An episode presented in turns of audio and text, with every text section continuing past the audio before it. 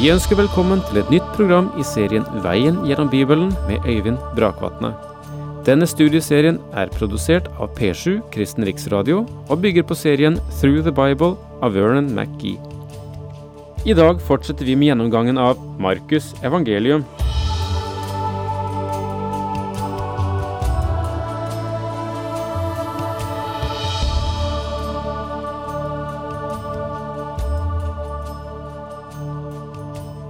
I evangeliene så møter vi forskjellige faser, eh, alt efter hva Jesus foretar seg. Eh, en fase når han eh, vender seg f.eks. fra jødene til den hedninge verden som omga dette lille, spesielle landet. Der er andre faser også, når Jesus begynner å gå mot Jerusalem siste gang. Og jeg nevnte sist, når vi har med Markusevangeliets fjerde kapittel å gjøre, at her også møter vi en ny ting, nemlig at Jesus begynner å undervise i lignelser. Og det gjør han sikkert av flere årsaker. Men han gjør det i første omgang, tror jeg. Fordi at de som var interessert, de som hungret og tørstet etter rettferdighet, at de gjennom lignelsene kunne bli dradd inn til det som var sentrum i Jesu budskap, og selv spørre, og selv avdekke sin lengsel og gjennom det fikk Jesus en anledning til å undervise dem. Og eh, jeg sa til sist i programmet eh, forrige gang at eh, vi møter den samme tanke i annet kapittel i første Korinterbrev, der Paulus skriver slik fra vers 9. Og jeg leser det om igjen. Men det står skrevet, det intet øye så, og intet øre hørte, det som ikke kom opp i noe menneskes tanke, alt det Gud har gjort ferdig for dem som elsker ham, dette har Gud åpenbart for oss ved sin ånd. For ånden utforsker alle ting, også dybdene i Gud. Og så fortsetter Paulus i det trettende verset slik. Og om dette taler vi, ikke med ord som menneskelig visdom har lært oss, men med ord vi har lært av Ånden. For det som hører Ånden til, tolker vi med ord som hører Ånden til. Men slik et menneske er i seg selv, tar det ikke imot det som hører Guds ånd til. For ham er det uforstand, og han kan ikke fatte det, det kan bare bedømmes på åndelig vis. Det er et stort prinsipp som Paulus her peker på, og det er fremdeles anvendelig. Vi kan bruke alle midler for å forsøke å få mennesker til å forstå åndelige sannheter, men de må ville forstå dem før dette kan bli virkelig for dem. Og det er her jeg tror at Jesu lignelser egentlig kommer inn. De er ikke bare til for å lette forståelsen av åndelige ting, men de er også til for dem som vil høre og vil forstå. Og jeg våger denne påstanden. Om et menneskes hjerte og øyne er åpne, og han ønsker å vite, da vil Guds ånd åpenbare de store sannheter for dennes hjerte. Han vil gjøre tingene helt virkelig og levende for det mennesket. Noen ganger bruker vi uttrykket, og jeg bruker det også, selv av og til, kanskje litt likegyldig, at du vil gå tapt om du ikke tar imot Kristus som din frelser. Det er faktisk ikke selve sannheten, mine venner. Sannheten er at du allerede er tapt. Og det som er det nøyaktige forhold, er at du vil fortsette å være tapt om du ikke tar imot Kristus som din frelser. Du står ikke for retten, min venn, som om det skulle klarlegges hvorvidt du er skyldig eller ikke skyldig.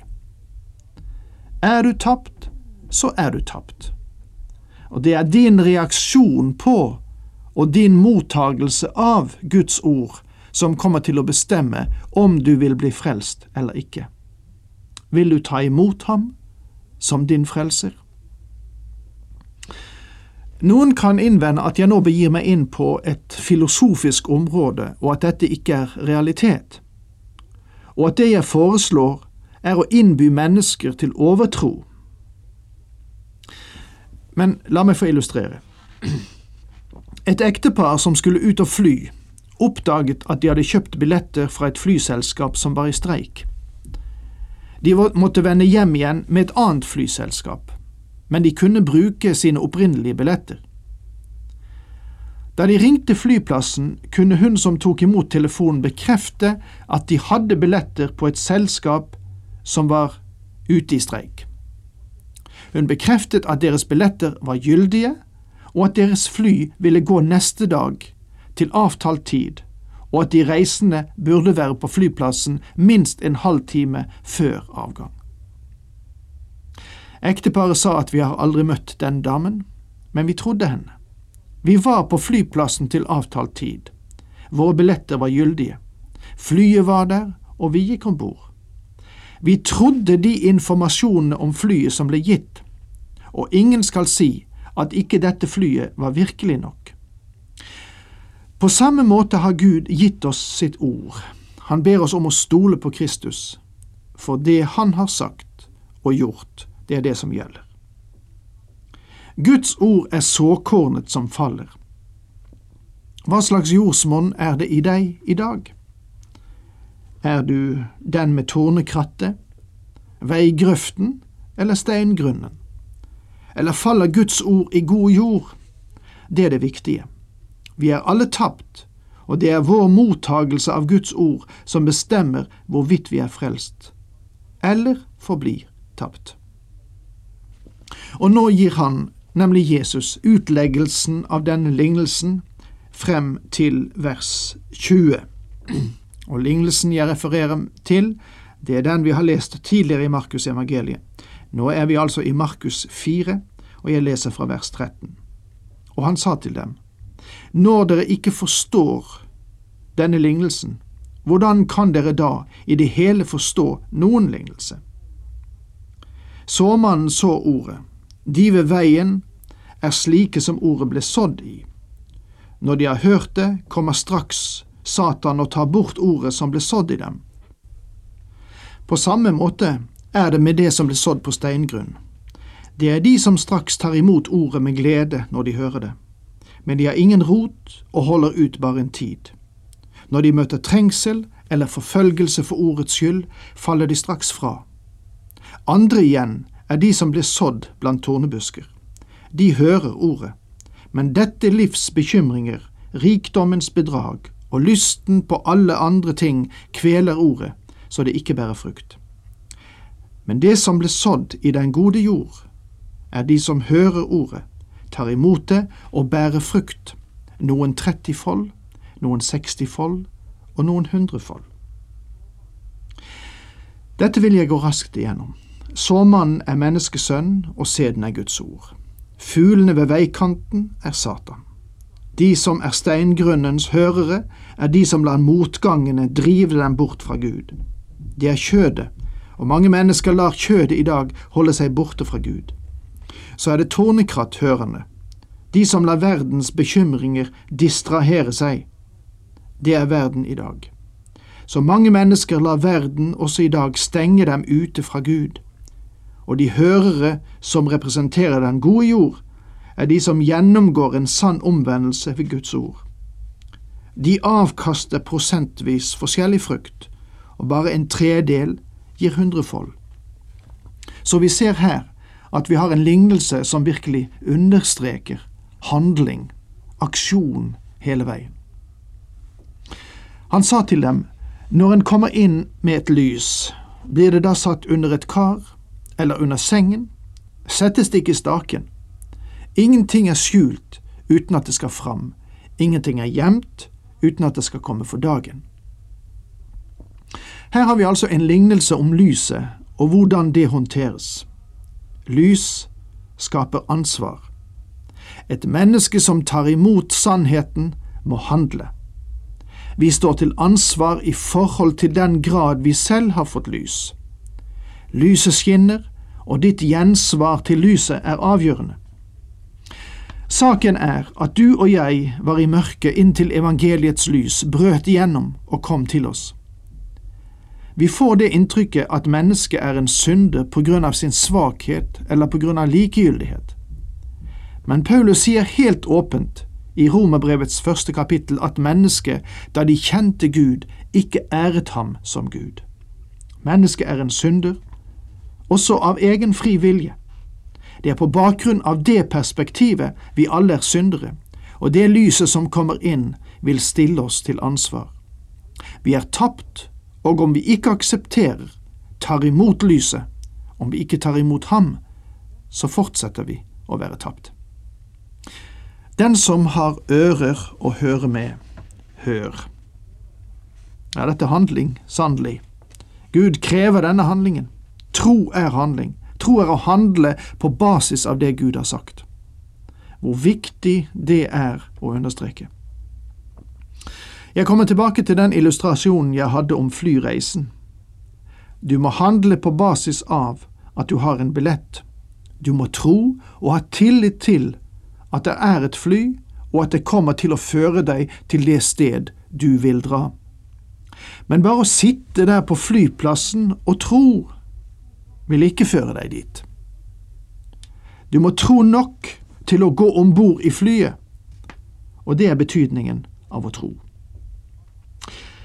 Han sa, slik er det med Guds rike, en mann har sådd korn i jorden, han sover og står opp, det blir natt, og det blir dag, og kornet spirer og vokser opp.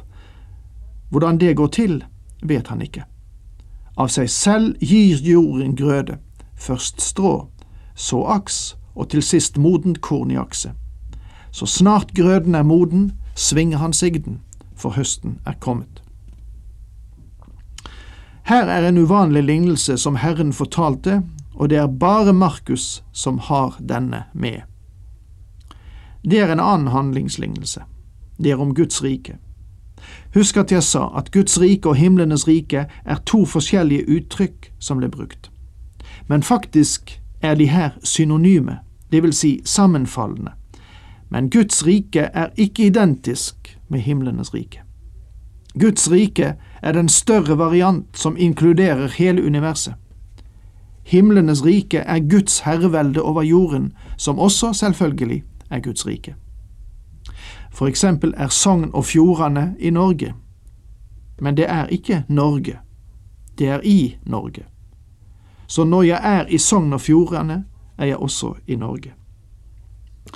Herren taler her om såkorn som vokser.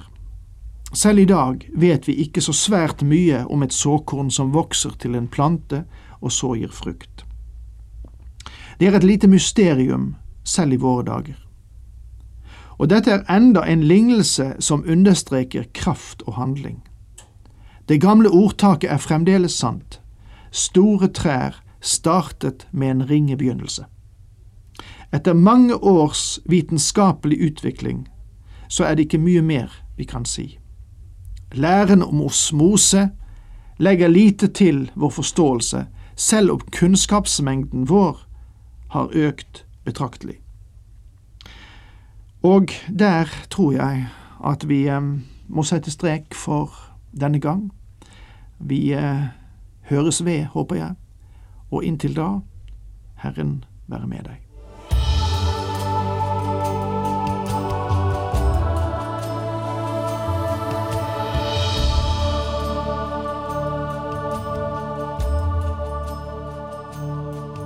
Du hørte Øyvind Brakvatne i studieserien Veien gjennom Bibelen. Serien bygger på et manus av Vern McGee. Har du spørsmål eller kommentarer til programmet, kan du sende en e-post til vgb krøllalfa p7.no. Takk for i dag, og på gjenhør.